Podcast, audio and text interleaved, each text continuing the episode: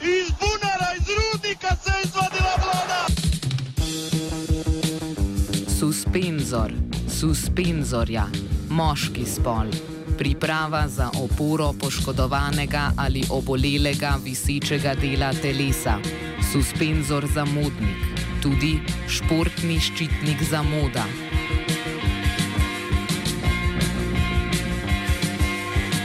Suspenzor suspenzorja, moški spol, nešportna oddaja o športnem in obšportnem na Radiu Student. Tudi nešportni ščitnik vsega športnega. Tako je, hvatajte jih na spavanju, to je rešenje. Če bi sedaj le nekako uh, preračunali povprečen puls gledalcev, bi bil ta okrog 160 ali 170. Za gošt, za uživanje, za pjesmu na klupi, ja vjerujem i kod vas doma, cijenjeni gledatelji.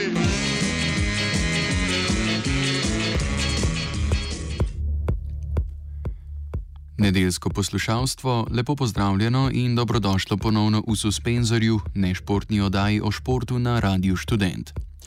Na olimpijskih igrah za mlade, ki so v oktobru potekale v Buenos Airesu, je slovenska reprezentanca po zaslugi Katja Juvan dve zlati medalji osvojila tudi v tenisu.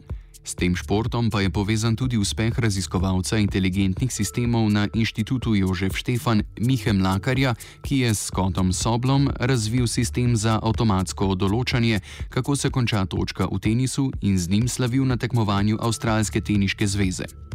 Priljubljen šport z loparjem bo tema tokratne oddaje. V prvem delu bomo z Mlakarjem, sicer tudi teniškim trenerjem in selektorjem slovenske moške teniške reprezentance, govorili o povezavi znanosti, tehnologije in tenisa, v drugem delu pa se bomo dotaknili še napovedanih sprememb pravil v tem športu.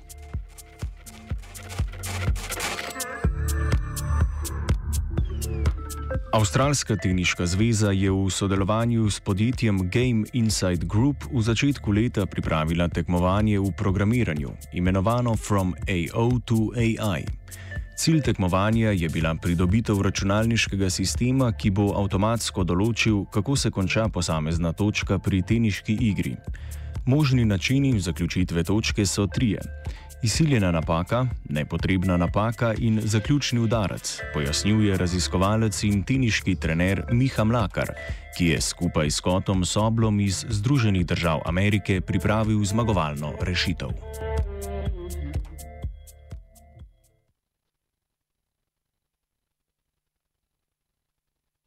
Žoge, ne pride do žoge, pa imamo pa še dve vrsti napak.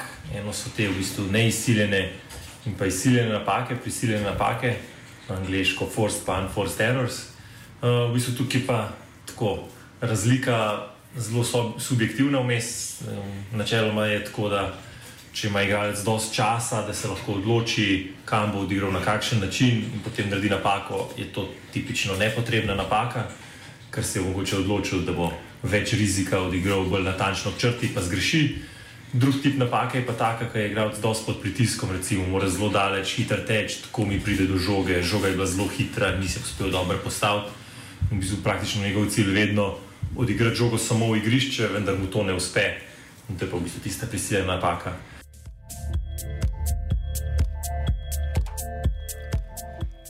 Udeleženci tekmovanja so morali računalniški sistem za določanje načina zaključka točke oblikovati na podlagi številnih podatkov o udarcih ter gibanju igralca in teniške žoge.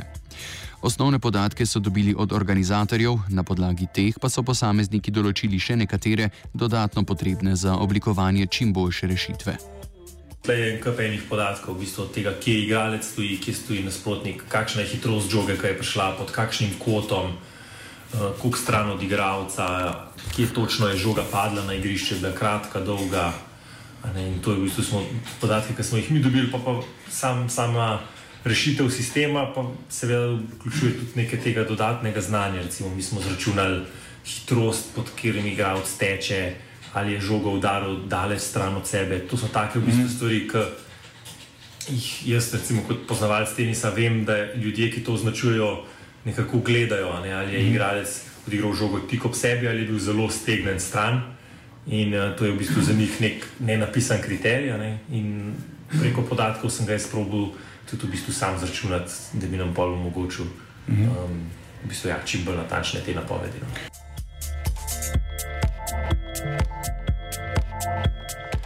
Algoritem, ki sta ga na podlagi pridobljenih podatkov pripravila Mlakar in Sobel, je najbolj prepričal. Z njim je moč avtomatsko določiti enega izmed omenjenih treh možnih načinov za zaključek točke pri tenisu.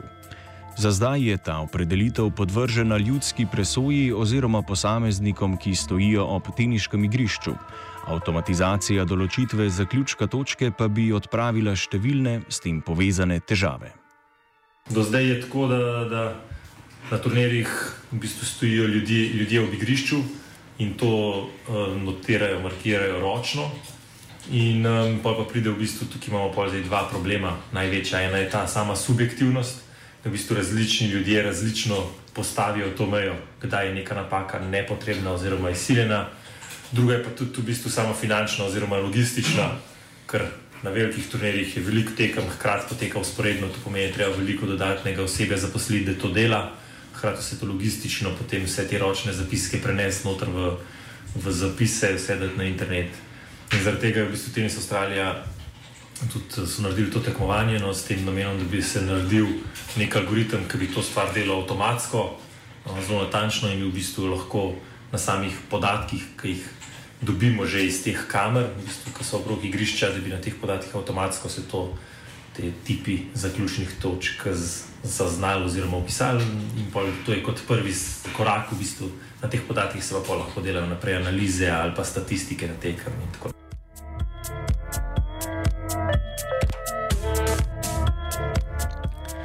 Ljudska oziroma sodniška presoja, ki je zdaj v veljavi pri določanju načina zaključka točke, je podvržena subjektivnosti, ki, predvsem, ko gre za izsiljeno in nepotrebno napako, vzrokuje nemalo spornim odločitvam. Avtomatizacija s pomočjo algoritma na drugi strani zagotavlja večjo objektivnost, natančni rezultati pa so na to veliko uporabnejši za analizo same igre in kasneje v procesu treninga. V bistvu bi bili ti zapisi zelo objektivni. Ker to, se zgodi, da, da imamo na različnih turnirjih um, zelo, zelo različne statistike za, za iste igralce. In, že takoj vidimo, da nekaj ni v redu. In razlog je pa tudi točno ta, da različni ljudje različno vidijo, kaj je nepotrebna napaka. Recimo, zdaj, če bi pa mi imeli en sistem, ki bi bil enak povsod, bi bilo to v bistvu ta, to nekako prenosljivo. In zdaj tukaj bi lahko potem te statistike bi vedeli, da so dejansko prave, da držijo, da so, da so v bistvu konsistentne tekom turnirja in obdobij. In zdaj v bistvu jim lahko pol sami trenerji več pozornosti posvetili, oziroma bi jih vzeli kot nek začetno izhodišče za, za, za treninge. Kot recimo, ne vem, recimo trener bi rekel, ok, uh, probi igrati bolj zanesljivo, tudi če imaš se ti zdi, da imaš priložnost, ne igrati preveč napadalno s prevelikim rizikom. In pol, če bi mu dal taka navodila, bi se to dejansko mogli videti v teh statistikah v, uh -huh. v, v manjšem številu nepotrebnih napak. In potem bi lahko on videl, da okay, na tej tekmi si imel manj napak, tukaj si jih imel še manj, ok, mogoče delamo tehnično, to pa to treniramo tako, pa tako, da boš to številko lahko še znižal. Ne? Če pa mi tega nimamo objektivno, pa on igra vsaki čisto, te številke se pa spreminjajo. V bistvu pa se to težko uporablja v mm. treningu. Ampak ja, s takim sistemom bi pa to zelo lahko postalo neko urodje mm. za, v bistvu, za trening. Sistem za avtomatsko določanje zaključka posamezne točke, kakor si ga je skupaj s sodelavcem zamislil raziskovalec Miha Mlakar, ne zahteva upeljave dodatne tehnologije v tenis. Tudi v tenisu je že precej časa prisotna tehnologija Hawkeye, ki s pomočjo številnih kamer in senzorjev ob igrišču omogoča dovoljšen nabor podatkov tudi za uspešnost algoritma vsa tehnologija, ki zdaj je že omogočena, tudi z naslednjim letom za Avstralijo Open bojo vsa igrišča, na katerih potekajo tekme, bodo opremljena s tem Hawkeye sistemom, to je ta sistem mm -hmm. za mhm. zaznavanje žogice. Um, tako da bomo imeli podatke v bistvu od vseh tekem že avtomatsko iz teh kamer. To je stvar, ki je zdaj že, že nekaj let na trgu, že v bistvu deset let. Če se malo izboljšuje, ampak ja, ogrodje je isto. Uh -huh. Tako da pomeni, te podatke imamo. Zdaj, na, samo na teh podatkih je potem treba dodati ta algoritem gor, da on to avtomatsko na, v bistvu, klasificira te zaključke točk, no, mm -hmm. da v bistvu dobimo še to dodatno statistiko.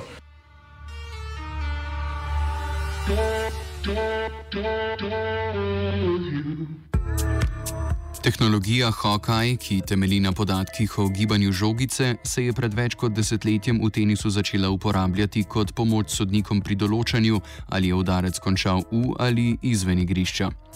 Podatki, ki jih prenašajo kamere sokoljega očesa, so uporabni tudi za številne druge analize, a je težava v tem, da niso široko dostopni. Ponavadi so v rokah organizatorjev tekmovanja, za številne tekmovalce in trenerje pa predragi in težko dosegljivi.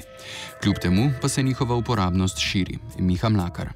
Se vse skupaj v tenisu s tem Hawkeyeom se je začelo ravno tam, da je ta sistem je primarno namenjen temu, ali žogica pade v igrišče oziroma črto ali out. -hmm. In s temi visokimi resolucijskimi kamerami ti lahko zdaj vidiš točno, kje je žoga padla in ta sistem je v bistvu neka pomoč sodnikov.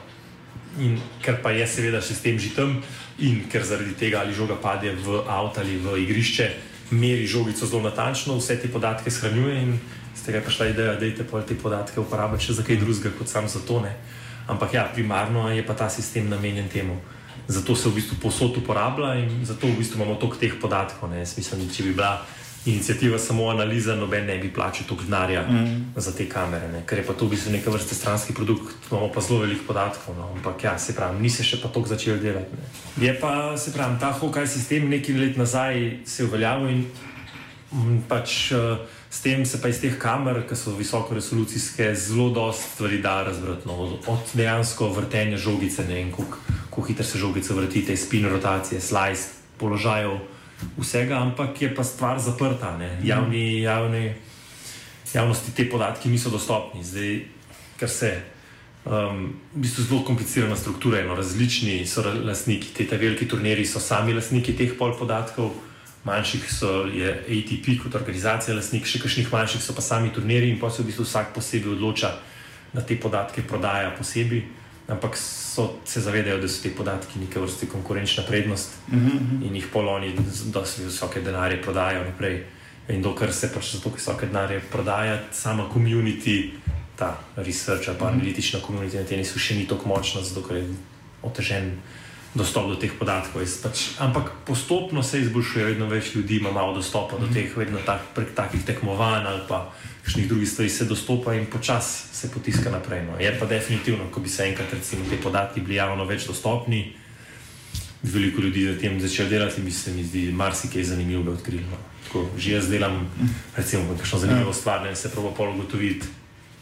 Kaj pomeni samozavest v tenisu? Mm. Nekdo, ki je samozavesten, kaj to dejansko se preslika. Igra hitreje, ali mogoče igra samo bolj natančno, ali igra v nekem blizu igrišča, bolj noter stopiti. Tako. Da se da v bistvu vse objektivizirati, kar drugače zelo čustveno, oziroma ja. subjektivizirano vse v tenisu.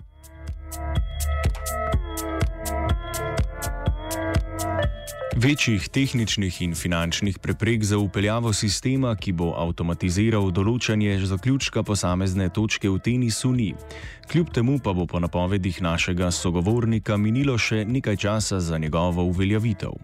Vse je v rokah Avstralske teniške zveze, ki kot organizatorica natečaja razpolaga sistemom, po napovedih Mlakarja pa bo kmalo sledil preizkus algoritma.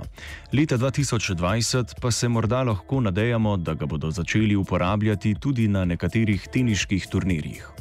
Tak velik sistem na vsa igrišča v klubu je seveda zalogaj in mislim, da bojo letos usporedno z ljudmi, ki bojo to ročno markirali, v bistvu vodili sistem in bojo po koncu leta mogoče pogledali, okay, kako se je pa na letošnjih podatkih obnesel ta sistem, a je še vedno tako zelo natančen, kot je bil za lanske podatke, ki smo jih imeli na voljo mm. tekmovanju.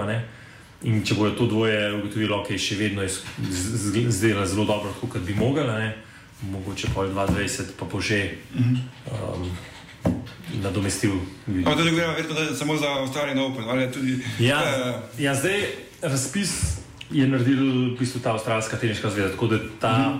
rezultat, algoritem je v bistvu zdaj njihov, -huh. Mhm. pripada njim in zdaj je pa pol na njih, kaj bo seveda želja celega teniškega komunitija, v bistvu te združenja teniških profesionalcev, ta ITP je da bi se ta sistem uporabljal na vseh turnirjih tekom celega leta. Ampak to je pa zdaj, se morajo oni med sabo zmeniti, mm. da oni to dali na ston ali prodali ali kaj drugega, ali bi zahtevali mogoče podatke nazaj, stopno dostopne. Mm. V bistvu zdaj rečemo temu politika, v bistvu nek biznis dogovorov med njimi, tako da tukaj pa zdaj težko komentiram, kam bo šla stvar, ampak verjetno je že tudi tako, če bo Avstralija zadovoljna s tem, kar bojo dobili, bojo takoj tudi ostali mm se priključili, ne vem, ali prek, da bojo kontaktirali njih, ali bojo naredili vem, svoje tekmovanje, ali bo ATP naredil svoje neki univerzalnega, ali bojo mogoče nas kontaktirali, kakorkoli nekaj v tem smislu. -hmm. Kot smo lahko zaznali na podlagi slišanega, se tehnologija in znanost vse bolj povezujeta tudi s tenisom. Kljub temu pa po mnenju raziskovalca in trenerja Mihe Mlakarja, tenis v tem pogledu še vedno precej zaostaja za nekaterimi drugimi športi.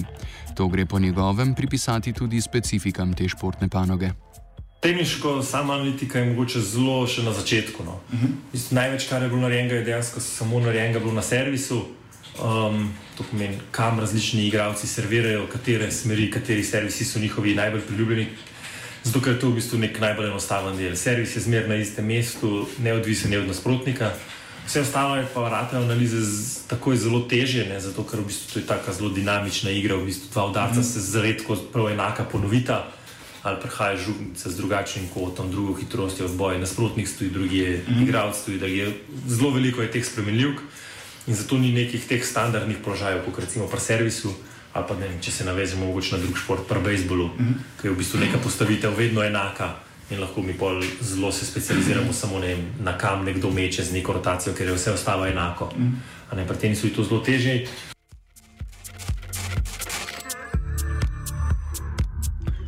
Kljub temu, da je tenis zaradi dinamike same igre morda zahtevnejši za statistične analize, pa se tudi v tem športu vse bolj razvijata tehnologija in oprema za pridobivanje podatkov, ki bi to omogočili. Različne zapisnice, loparji in čipi, ki beležijo podatke o različnih udarcih, so sicer vse bolj natančni, a kot opozarja sogovornik, brez pravilne umestitve še vedno neuporabni. Nekatere rešitve, kot denimo posebni čipirani loparji, pa so bile slabo sprejete strani tekmovalcev in drugih uporabnikov. Raziskovalec z inštituta Jožef Štefan in selektor slovenske moške teniške reprezentance Miha Mlakar, s katerim zaključujemo prvi del suspenzorja. V bistvu se je teh sistemov kar nekaj nabralo na loparjih ali pa na roki, imaš recimo na zapestju senzor. Je ta stvar sama po sebi zelo natančna, no, dosti dos natančna. Ampak eh, problem teh sistemov je pa v bistvu, da manjka neke vrste kontekst. Ti v bistvu iz teh sistemov dobiš eh, število forehand udarcev, število backhand udarcev, ne vem koliko udarcev smo -hmm. zadeli na sredino loparja, koliko pri robu. Nimamo pa dejansko nekega konteksta, neke informacije, v kakšnem kontekstu smo mi zdaj žogico dobro udarili in kdaj smo jo slabo. Ne? Manjka nam, recimo, mi bi mogli vedeti, če žoga pride k nam hitro, jo udarimo slabo, če pride počasi, jo udarimo dobro. In če mi tega podatka nimamo, nam sam podatek, ne vem, 20% žogic smo udarili dobro, 40% pa slabo.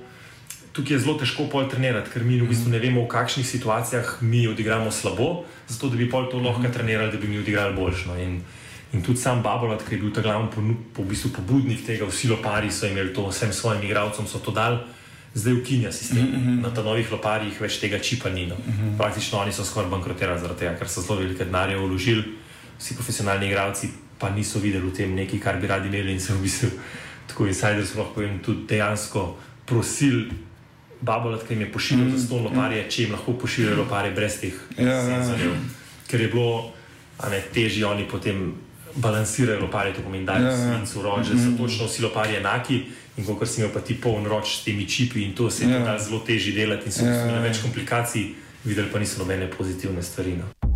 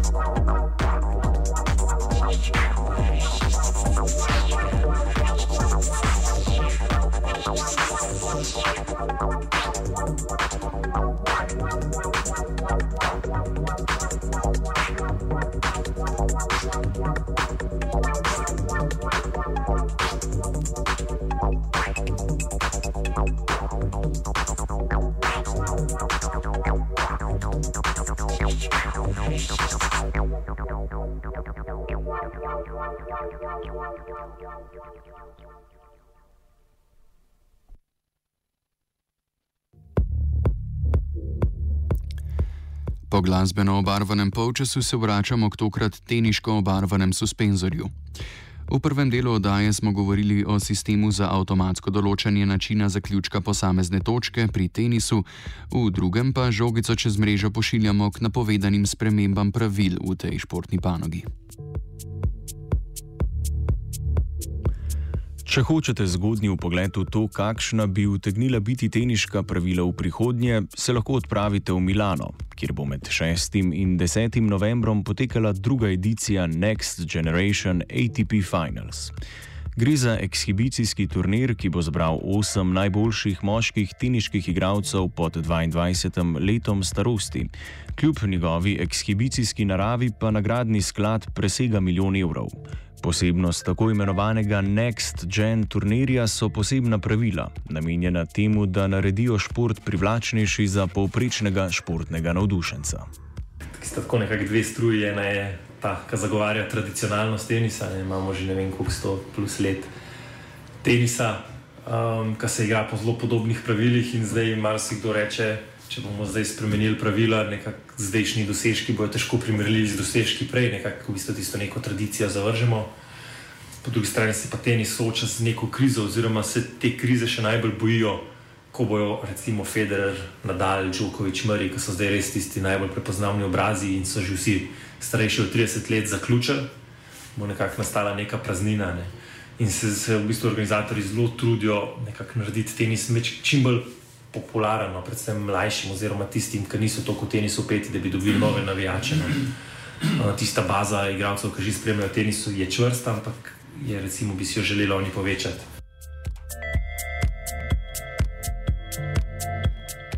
Prvi to vrstni turnir, ki je prav tako potekal v Milanu novembra lani, je osvojil Chung Hyun, ki pa zaradi starostne omejitve ne more braniti naslova. Poskusna pravila za naslednjo generacijo so sledeča. Igra se na tri sete. Set zmaga tisti, ki prvi osvoji štiri igre oziroma dve manj kot do sedaj.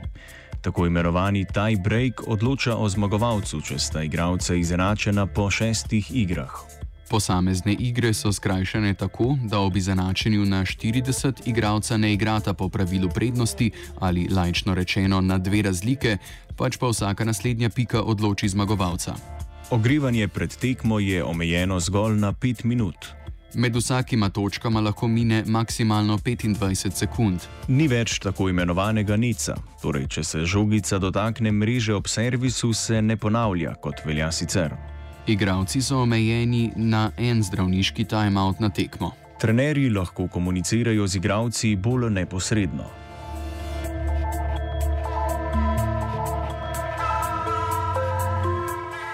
Dino Marcan, bivši teniški igralec in kolumnist za spletni portal Telesport, tudi sam meni, da čas napovedanih menjav ni na ključen. V moškem tenisu se vendarle bliža konec trojcu Federer, Nadal, Djokovic, ki so pobrali skoraj da vse pomembnejše naslove zadnjih 15 let. A u principu ono što tenis pokušava sa next genom dobiti je prije e, samih promjena pravila je to da u onom trenutku kada one zvijezde koje trenutno tenis drže na visokom nivou, a to su dakle Federer, Nadal, Djokovic i možda Mare i Vavrinka, ono trenutka kada oni prestanu igrati tenis, Next Gen zapravo pokušava dovesti nova imena na kojima će e, sutra bazirati svoju popularnost tenisa, kao što kad su odlazili Sampras i Agassi, su svi mislili da će biti gotov tenis pa smo dobili Federera i Nadala, tako da to je nekakva originalna ideja. Promjene pravila su nešto što zapravo čime ATP e, pokušava privući e, gledatelje koji su sportski zaljubljenici, a nisu striktno teniski zaljubljenici. Sada vrijeme će pokazati koje su od tih promjena prihvatljive, a koje su možda malo preradikalne. Marcan se sicer ne boji za prihodnost popularnosti moškega tenisa. Tudi ko odidejo najboljši, bodo novi zauzeli njihova mesta. ATP se sigurno pribojava tog scenarija i dobro je vidjeti da su krenuli reagirati po tom pitanju na vrijeme. Ja sam jedan od onih koji smatra da će nove zvijezde nadomjestiti ove stare zvijezde. E, bez obzira što možda i neće biti toliko uspješne, jer mislim ponoviti brojke koje ova generacija dala je, mislim, to se nikad prije nije dogodilo da imaš igrača sa 20 Grand Slamova, sa 17, sa 14, dakle teško je od sljedeće generacije očekivati da će neka trojica toliko isplivati, biti toliko dominantni, da će toliko osvajati, ali mislim da bez obzira što većina ljudi tvrdi da kada ta trojica odu da, da tenis neće biti isti, mislim da će jednostavno prirodnim putem neke nove zvijezde nadomjestiti ove stare. Igravci načeloma nasprotujejo vsakršnim spremembam, kar ne preseneča. Vendarle so vsi od malih nog vajeni določenega tempa in dolžine dvobojev. Ta skrajšan set zelo spremeni dinamiko, no, in to je tudi uh, igravci so zelo bili proti, ker um, je vse neka psihologija, nekaj navajen in ti zdaj 10-20 let treniraš neki v bistvu tudi mentalne pristope, pa, pa ti to v bistvu spremeni. No. Um, tako da jaz mislim, da bo to šlo počasno. Zdaj, veliko se govori o tem, da bi trener um, lahko med tekmo v bistvu dajal napotke igralcev, no, tudi po tem incidentu. Na Avstralijan Openu s finalem žensko, pa Sereno Williams je zelo veliko začel o tem govoriti. In uh, v ženskem tenisu je to že do zdaj omogočen, delno. In um, tam so tudi zelo pozitivni odzivi. In mislim, da bo to, to že z naslednjim letom se omogočilo. In to se mi zdi recimo zelo dobra novost. No, ker če mi hočemo nekako narediti malo več uh, zanimivosti tenisa, mogoče je tudi ta ena interakcija, trener, igralec med tekmo, ki vemo, da so čustva, so trenja. Je tisto, kar je po ljudem zanimivo, kakšna drama, izpadi. Mm -hmm. To je tisto, kar v bistvu dejansko gledalce vleče, ne? da je v bistvu vsa stvar ta zanimiva. Bolj, ker vemo, tenis je dosti tako, da morajo igralci biti zelo koncentrirani dolg časa in en, en način, da si tako dolgo koncentriran, da čim manj čustveno odreagiraš na vse stvari, ker čustva se vemo, dvignejo v tri, razburite. In zato je pač nekako se igralci doskrat uči že od začetka, da čim manj čustev, zato da bodo bolj koncentrirani. Hkrati pa seveda za gledalce je pa to manj zanimivo, manj čustev. Ljudje mm. hočejo spopade, incidente, navijanje, ja. dramo, spektakel. Ja. spektakel. To je tisto, kar vleče. Ne? In zdaj ta meja je pa tenka, tako da zdaj z nekimi postopno, mogoče se že trenerje operati, je neka lepa, dobra, zanimiva stvar. Um, tako da ja, mislim, da pač ja, spremembe bojo, ampak bojo po mojem zelo mehne, no, pa zelo postopno.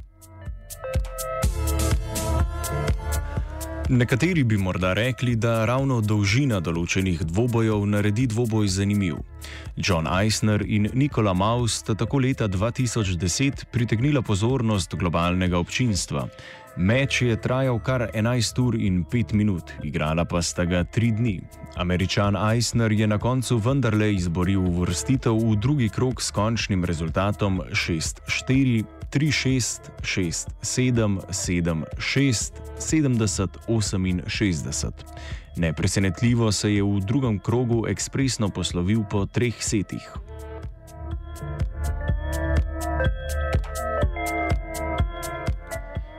Eisner Maut je vendarle izjemen dogodek in najdaljši meč v zgodovini tenisa, pa vendar.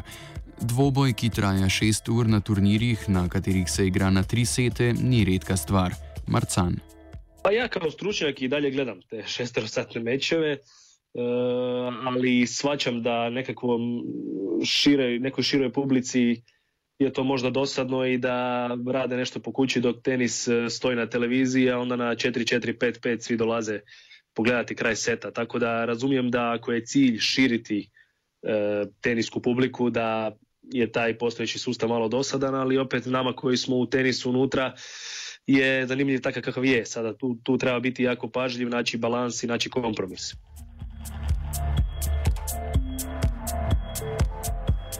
Zanimanje za tenis med športnimi gledalci ne narašča v tolikšni meri, kot to velja za naprimer nogomet in košarko. Mlakar ni prepričan, da lahko nekatere predlagane reforme spremenijo to realnost. Ne vem, če je prav, ga vedno manj, ampak ja, je pa v primerjavi z najbolj popularnimi športi ne raste nekako tako mhm. isto, kot kar oni raste, nekako nogomet, se vemo, vsi spremljajo in ja, en časovni vidik je sigurno en ta. Na nogometu mi približno točno vemo, da je dve uri tekmo, bo znotraj dveh ur konc. Pri tem so pa doskrat ne vemo niti, kdaj se bo točno začel, ker tekma se nadaljuje od neke prejšnje, pa ne vemo, koliko časa bo trajal. Tako da, ja, že ena stvar, ki so jo zdaj že vključili, pa je tudi bojo v bistvu zelo strikten ta čas. No. Da se bo točno vedel, če se tekma začne ob tisti uri, da bojo igralci točno takrat tam, pet minut ogrevanja, točno po petih minutah se bo začel. Ne, mi vemo, to pri nogometu, če je tekmo v 8, se v 8 nič nič sodnik zapiska in se začne. In to je pa lažje zaradi reklam, zaradi medijev, zaradi televizije. In to so recimo take malenkosti, ki se jih da zelo enostavno narediti. No. Da v bistvu se igralce malo pritisne, da ni, da še oni pol malo še popijejo vode, še malo se preoblečejo, pa 10 minut, 20 se kasneje začne. No. To so take stvari, ki se bojo naredile, sigurno zelo hitro, leto, najkasneje dveh. Za pa te dejansko spremembe pravil tenisa bo pa težka, po mojem mnenju. No. Ker po drugi strani imaš pa zagovornike, ki tiste tekme, ki trajajo 4 ure, 5 ur, so v bistvu najbolj zanimive na koncu vsi gledajo prav tiste tekme, ki je največja drama na koncu po 4-5 urah. Ne? Tako da imaš pol, po eni strani bi ljudje radi krajše tekme, bolj zanimive, hkrati pa vemo, da tiste daljše so dejansko bolj zanimive. In zdaj, če boš tiste daljše odrezal, bo mogoče vse skupaj še manj zanimivo. Tako, dvorezen meč za, za te stvari. Aha.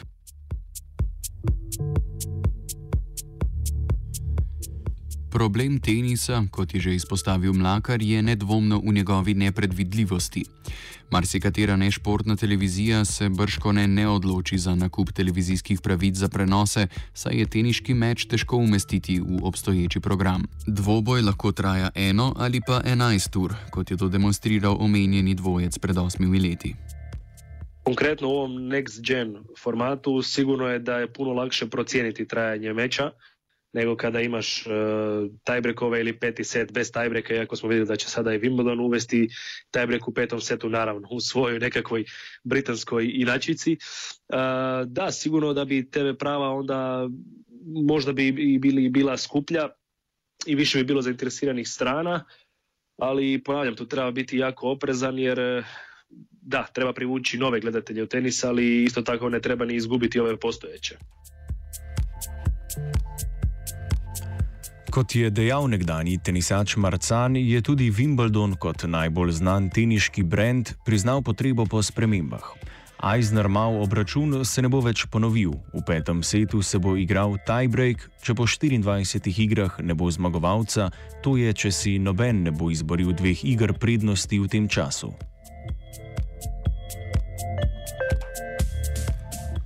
Gre za majhno spremembo, a očitno v skladu z novimi premiki na teniški sceni. Če, kako in kdaj bo večina turnirjev prevzela format Next Gen, se sprašuje Marcan. Moramo prvo razumjeti da je Next Gen eh, event kojeg organizira ATP. Dakle, ATP je taj koji pokušava ponuditi nekakve promjene, što znači da ukoliko bi se one i usvojile, one se ne bi primjenjivali na VTA turu, ne bi se primjenjivali na, na futuresima i ne bi se primjenjivali na Grand Slamovima koji su e, priča za sebe. Međutim, mislim da je još uvijek prerano govoriti o nekakvom timelineu jer to je tek ono e, prva sugestija ATP-a, a do eventualnog usvajanja nekih od tih pravila sa Next Gena mislim da će još proći dugo, dugo vremena. Marcan, ki je v stiku s številnimi aktivnimi igralci, pravi, da se bo ATP moral soočiti z nasprotovanjem tenisačev ob uveljavljanju reform. Kad razgovarate sa, sa igračima koji su trenutno na turu, svi će se uvijek protiviti promjenama. 2013. kada se testiralo no let e, pravilo na challengerima, s kim god sam razgovarao od igrača, svi su bili izrazito protiv toga. Međutim, smatram da bilo koja od tih promjena svako bi se na nju prilagodio jer tenisači se bave takvim sportom gdje je brzina prilagodbe vrlo bitna. Tako da ako razgovarate sa mladim igračima tu možete raditi što god hoćete. Mislim ove godine ITF uveo pravilo znači, za, za mlađe od 16 da se igra bez e, neca i svi najnormalnije igraju. Dakle, teško je starog psa naučiti novim trikovima, međutim e, smatram da kad bi se i došlo do promjena da bi se igrači na njih prilagodili, ali u ovom trenutku će vam svako od njih reći ne za bilo kakvu promjenu pravila. Da li je teže e, ovo kraći meč visokog intenziteta ili duži meč gdje intenzitet niži, mislim da to samo stvar specifične kondicijske pripreme. Dakle, ako format bude takav da će biti kratak meč visokog intenziteta, igrači će se samo početi drugačije pripremati kondicijski. Što je teže, vrlo je teško reći.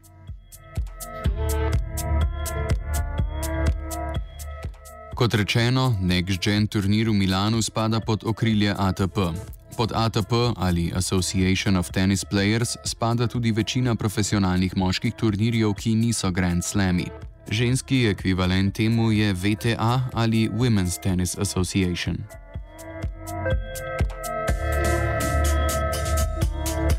Kategorija zase in najbolj cenjeni turnirji so omenjeni Grand Slami. Wimbledon, Roland Garros, US Open in Australian Open so najbolj medijsko pokriti, imajo najvišje denarne nagrade in potekajo hkrati tako za moške kot za ženske. Organizira jih ITF ali International Tennis Federation, ki je krovna in najstarejša teniška organizacija. Pravila med tremi organizacijami niso poenotena. Na Grand Slamih so v bistvu združeni. No. Grand Slam je v bistvu organizator ITF, ki je v bistvu imel krilje obe. Uh, zdaj sami ostali turnirji tekom leta, pa v bistvu ja, organizacija vsaka zase, ampak se dogovarja, kot sem rekel, pri ženskah imamo že recimo to da lahko trener enkrat na tekmo pride na igrišče, pri moških ne. Um, ja, mislim, ne, gleda se v bistvu vsak, kaj dela, nekako te izkušnje, pa pravijo dobre stvari pobrati. Je pa dosti problem tudi to, no, se omenja, da, da na enih turnirjih so taka pravila, na drugih so taka, da je bilo tudi na splošno to dobro poenotiti, ne, da so v bistvu tudi gledalci pol malo zmedeni, enkrat vidijo trenerja na igrišču, enkrat ne, ne vejo zakaj, ne smejo ga. Ja.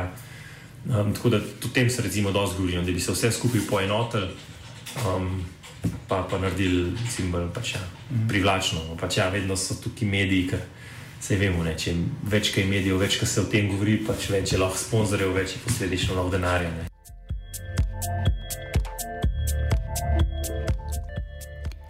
Največ denarja pa je ravno v moškem tenisu. Če se nagradni skladi na Grand Slamih med spoloma ne razlikujejo, pa je realnost na turnirjih pod okriljem ATP oziroma VTA drugačna. Marcan. Tenis je specifičan zbog toga što ima tri organizacije koje djeluju kao u, si, u sinergiji, a zapravo djeluju svaka za sebe. Uh, mislim da je između ITF-a, ATP-a i VTA VTA u najlošoj poziciji, najteže dolaze do ovih turnira, najmanji je profit, kvaliteta odnosa sa igračima je nekako najlošija od te tri organizacije. ATP i ITF posluju odlično s time da se ATP baš bavi sa igračima dok ITF više kroz razno razne programe saveze i, i, i Davis Cup dolaze do svojih profita pa sukladno tome su i igrači nekako zadovoljniji sa, sa, sa ATP-om nego sa ITF-om.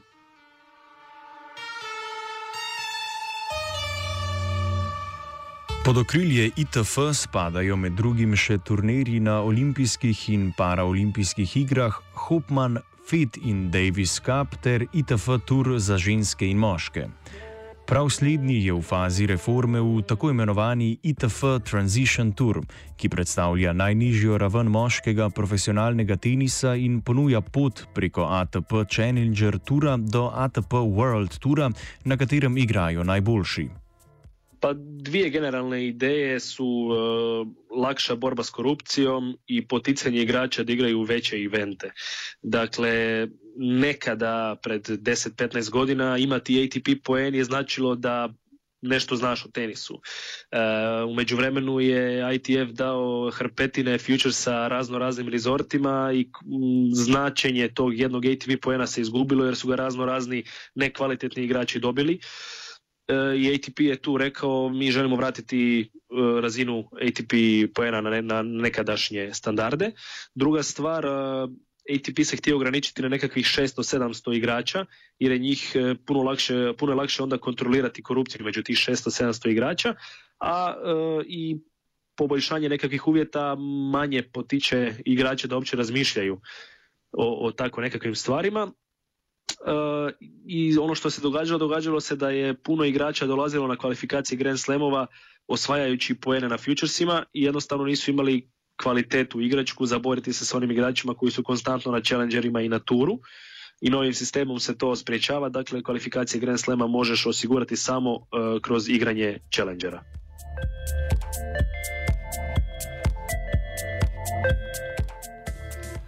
Torej, inflacija moških teniških turnirjev je pomenila, da so igralci in s tem celoten šport bili izpostavljeni ilegalnim stavniškim praksam nameščanja tekem.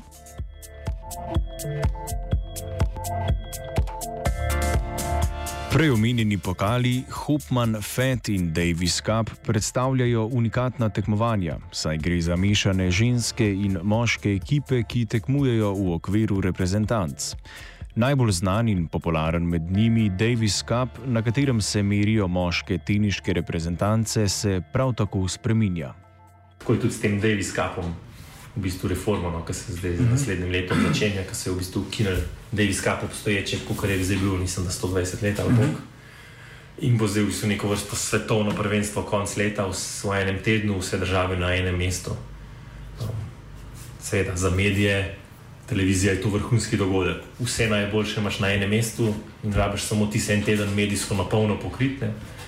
Tako da pač iz tega stališča so to naredili, bomo pa videli, kako bo se obnesla, bo igralci tudi hoteli to podpreti. Mm -hmm.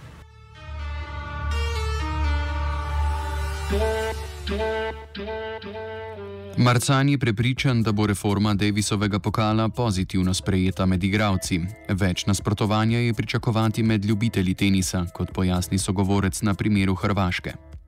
Pa ja vjerujem da je, da je promjena dobra iz striktno igračke perspektive. E, vrijeme će pokazati jesam li u pravu ili nisam. E, igrači su zadovoljni tom odlukom jer naravno ne moraju više izdvajati 3-4 puta godišnje po, po tjedan dana za Davis Cup, nego jednostavno u sedam dana odrade sve.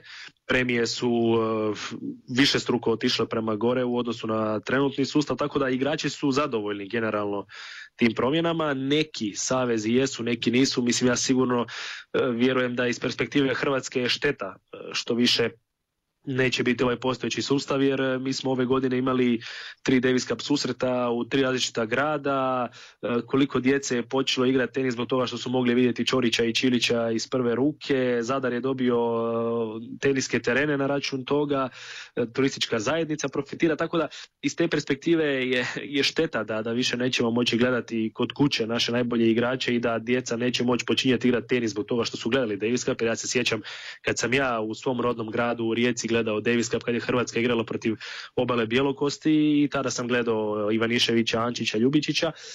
To, za to će nove generacije biti uskraćene, ali opet s druge strane najbolji igrači će igrati Davis Cup, jer eh, kad je Velika Britanija osvojila Davis Cup, eh, te godine Andy Murray nije dobio nikoga iz top 10.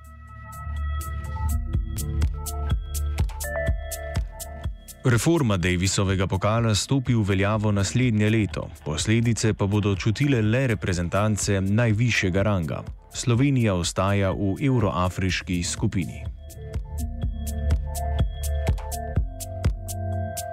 Teniško žogico sta v tokratnem suspenzorju čez mrežo nabijala Antun in Marcen, za mikrofonom sta servirala Juž in Pero, vlogo tehničnega sodnika je opravljal Blaž. Ničega, iz bunara, iz rudnika se je izvadila vlada.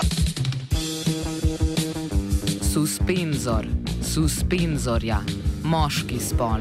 Priprava za oporo poškodovanega ali obolelega visečega dela telesa. Suspenzor za modnik, tudi športni ščitnik za moda.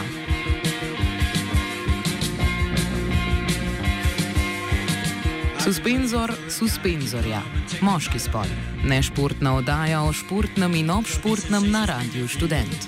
Tudi nešportni ščitnik vsega športnega. Tako je, hvatajte jih na spavanju, to je rešenje. Če bi se dajle nekako preračunali povprečen puls gledalcev, bi bil ta okrog 160 ali 170. Za gošt, za uživanje, za pjesmu na klupi, a vjerujem i kod vas doma, cijenjeni gledatelji.